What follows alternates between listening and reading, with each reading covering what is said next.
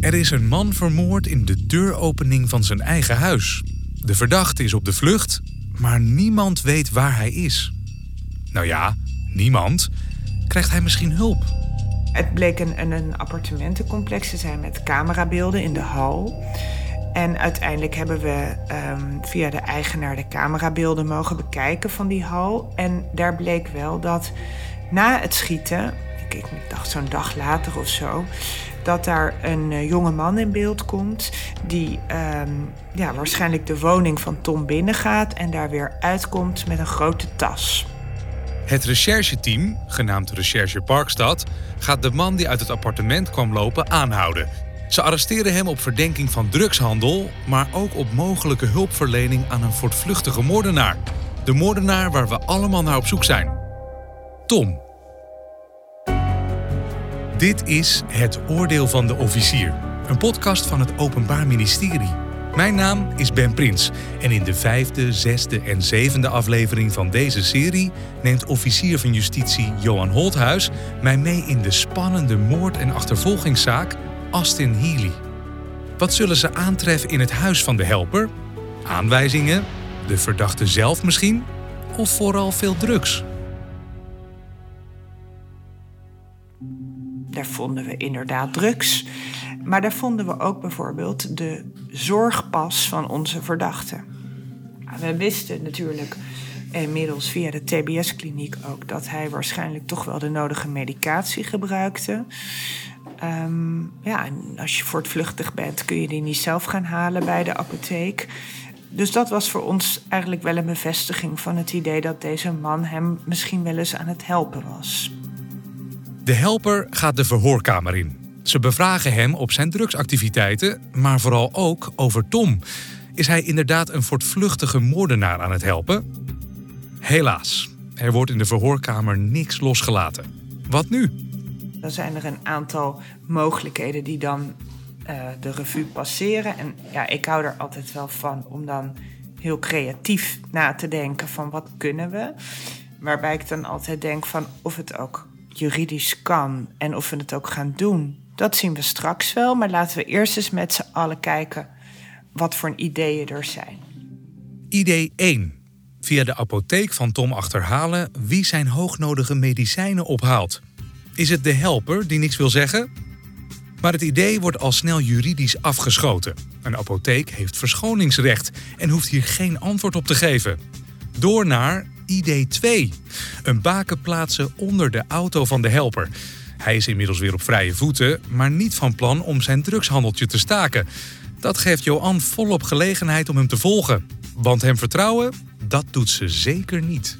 We zagen uh, eigenlijk vrij snel dat hij gewoon doorging met zijn dealactiviteiten. En we konden dus ook zien waar zijn auto naartoe ging.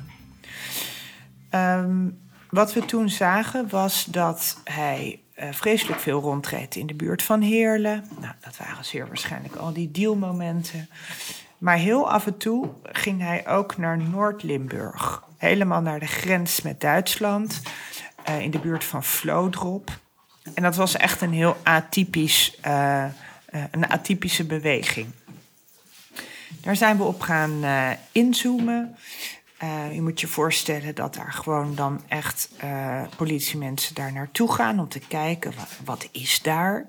Nou, daar bleek bijvoorbeeld een camping te zijn. Nou, daar zou die misschien kunnen zitten, dus daar hebben we naar gekeken.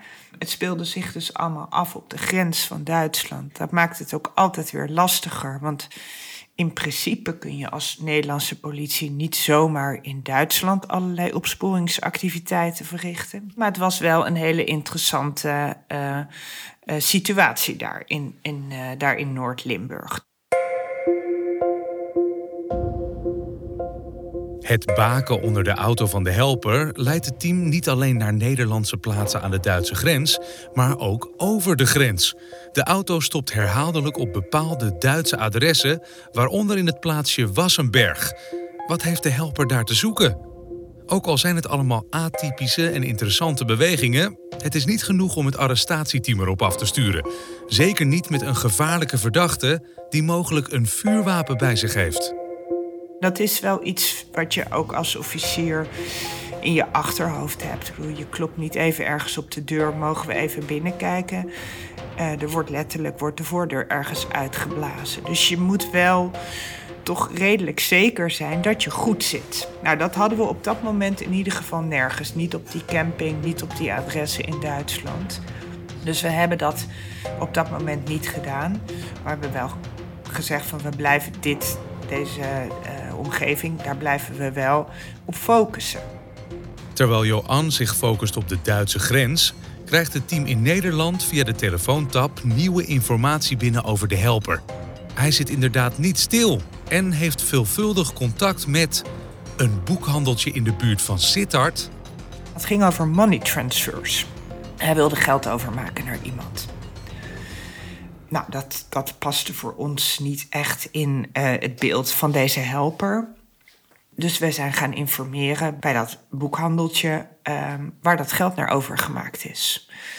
Uh, dat zijn allemaal uh, ja, vorderingen die je dan als officier van justitie doet. Hè. Dat boekhandeltje heeft ook niet de keuze om te zeggen van nou nee, dat krijg je van mij niet. Dus wij, wij vorderen die gegevens allemaal.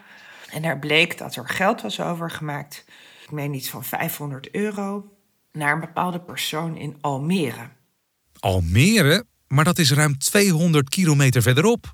Onze verdachte had zijn roes in Amsterdam, dat wisten we al. En we waren inmiddels ook achter dat hij ook korte tijd in Almere gewoond had. Nou is Almere natuurlijk groot, maar we vonden het zeker omdat zijn helper echt een, een, een Heerlense jongen was. Waarvan we dachten, hoe zou, zou hij nou 500 euro overmaken naar iemand in Almere?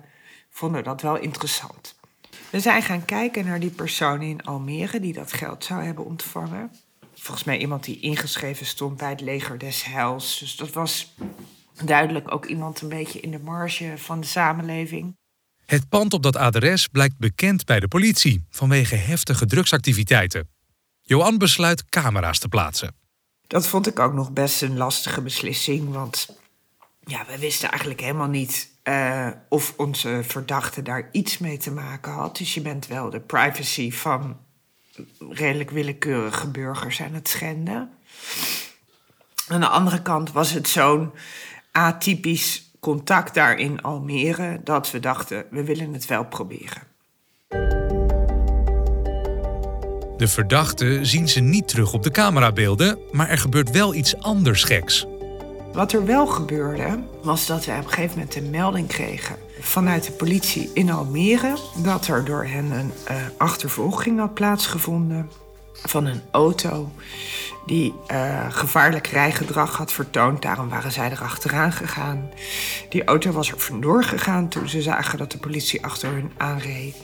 Was op enig moment gecrashed. En um, er zaten drie man in die auto. En een van die drie rende de auto uit en vluchtte weg. En die hebben ze ook niet meer teruggevonden. De andere twee mensen in die auto Um, daarvan bleek één de, de kentekenhouder van die auto te zijn. Um, met de andere bleek onze uh, helper te zijn. Die dus kennelijk uit Heerlen opeens in de buurt van Almere rondreed. En in die auto werd ook nog gevonden een grote tas met kleding en een tandenborstel.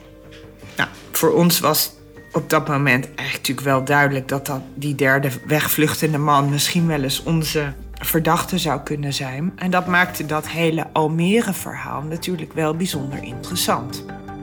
Van Heerlen via Aken naar Almere. Johan en haar team zitten de verdachte blijkbaar op de hielen. Maar hij weet weer te ontsnappen. Er is groffer geschut nodig. Tijd om de rest van Nederland om hulp te vragen. Wat we daarna uh, ook gedaan hebben, is um, ja, in de media aandacht gevraagd hebben voor deze zaak. We hebben opsporingverzoek benaderd, daar hebben we beelden getoond, hebben we oproepen gedaan. En daarnaast hebben we deze verdachte laten plaatsen op de nationale opsporingslijst. Dat is een lijst waar je dus met, met naam en toenaam en foto op staat. Dat betekent nogal wat. Daar, ja, daar ben ik ook niet de enige in die dat beslist. Hè. Daar moet echt wel van hogerhand ook toestemming voor komen. Maar vanaf dat moment was dus ook de foto van onze verdachte landelijk bekend. Uh, daarbij hebben we ook een beloning uitgeloofd voor de tip die zou leiden tot zijn uh, verblijfplaats van 10.000 euro. Eigenlijk in de hoop dat hij uh, ja, het milieu waarin hij zich leek te begeven, dat daar toch wel mensen zouden zijn die zouden bereid zouden zijn om hem te verlinken voor 10.000 euro. Het inzetten van nationale media doen officiers niet zomaar. Dan moet je alles binnen je macht al hebben geprobeerd. Het is dan ook geen lichte beslissing voor Johan, maar wel een noodzakelijke. Kijk, uh, aan de ene kant wil je hem zoveel mogelijk opjagen in de hoop dat je hem pakt. Maar aan de andere kant, zeker bij dit soort uh, ja, misschien toch onberekenbare figuren, ben je ook wel bang dat het hem misschien er wel toe drijft om nieuwe strafbare feiten te plegen. Is natuurlijk als je eenmaal op dat internet staat, en daar blijf je ook de rest van je leven op staan. Die uitzending van Opsporing Verzocht, waarin ook zijn foto voor het eerst getoond is, die vond plaats op 30 november. Toen waren we dus zo'n twee weken, ja, echt wel uh, fulltime, bijna 24 uur per dag bezig om hem te pakken. En dat was nog niet gelukt. En we waren het er wel met z'n allen over eens dat deze man gewoon niet lang vrij uh, mocht rondlopen, omdat het gewoon te gevaarlijk was. Naar aanleiding van de uitzending van Opsporing Verzocht komen er veel tips binnen. Anonieme tips over Toms verblijfplaats, over een plaatselijke supermarkt waar hij rondliep, over vermoedelijke schuilplaatsen. Het team spit alle tips door.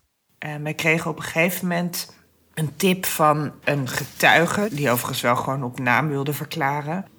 En die noemde een bepaald adres waarop hij zei: Ik denk dat hij daar zit. Ja, je probeert dan aan de hand van politiesystemen en van alles te verifiëren of dat wel eens waar zou kunnen zijn. En het bleek een adres te zijn waar onze verdachte in het verleden uh, mogelijk wel verbleven had en waar mogelijk ook wel vrienden van hem woonden. Deze getuige die daar wat over verklaarde, daar hebben we nog wel geprobeerd wat. Uh, uh, ja, wat, wat te bekijken op zijn, hoe, hoe zijn betrouwbaarheid was. En uiteindelijk waren we het er met z'n allen over eens dat dit misschien wel zou kunnen kloppen. De getuige komt oprecht over. Hij blijkt Tom te kennen uit zijn verleden. De tip wordt al snel een serieuze overweging voor Johan. Ze besluit ervoor te gaan. Niet geschoten is altijd mis. Wat we gedaan hebben is uh, uh, vervolgens het observatieteam naar dat adres gestuurd. En het arrestatieteam, het AT, was inmiddels ook onderweg naar dit adres. Toen zij daar allebei in de buurt waren, kwam er een jongen uh, die liep op straat. Ik, ik, weet niet meer zeker of hij nou uit die woning kwam, maar in ieder geval vlakbij die woning. En die jongen die voldeed precies aan het signalement van onze verdachte die jongen die loopt daar. En wat er dan gebeurt is, dat was inmiddels s'avonds laat. Dus ik was gewoon thuis. Maar ik wist natuurlijk wel dat ze daar mogelijk die avond naar binnen gingen. Dus mijn telefoon lag naast me. En ik werd gebeld en ze zeiden van ja, we denken dat dit te mis. Mogen we ingrijpen? Ik zei ja, doe het maar. De politie grijpt in. Krijgen ze Tom dan eindelijk te pakken? Je hoort het in aflevering 7 van Het Oordeel van de Officier, een podcast van het Openbaar Ministerie. De podcast is een productie van Podworks en ik ben Prins. Benieuwd geworden naar het werk van Johan en zou je zelf ook aan de slag willen als officier van justitie? Ga dan naar werkenbijhetom.nl. Bedankt voor het luisteren en tot de volgende aflevering.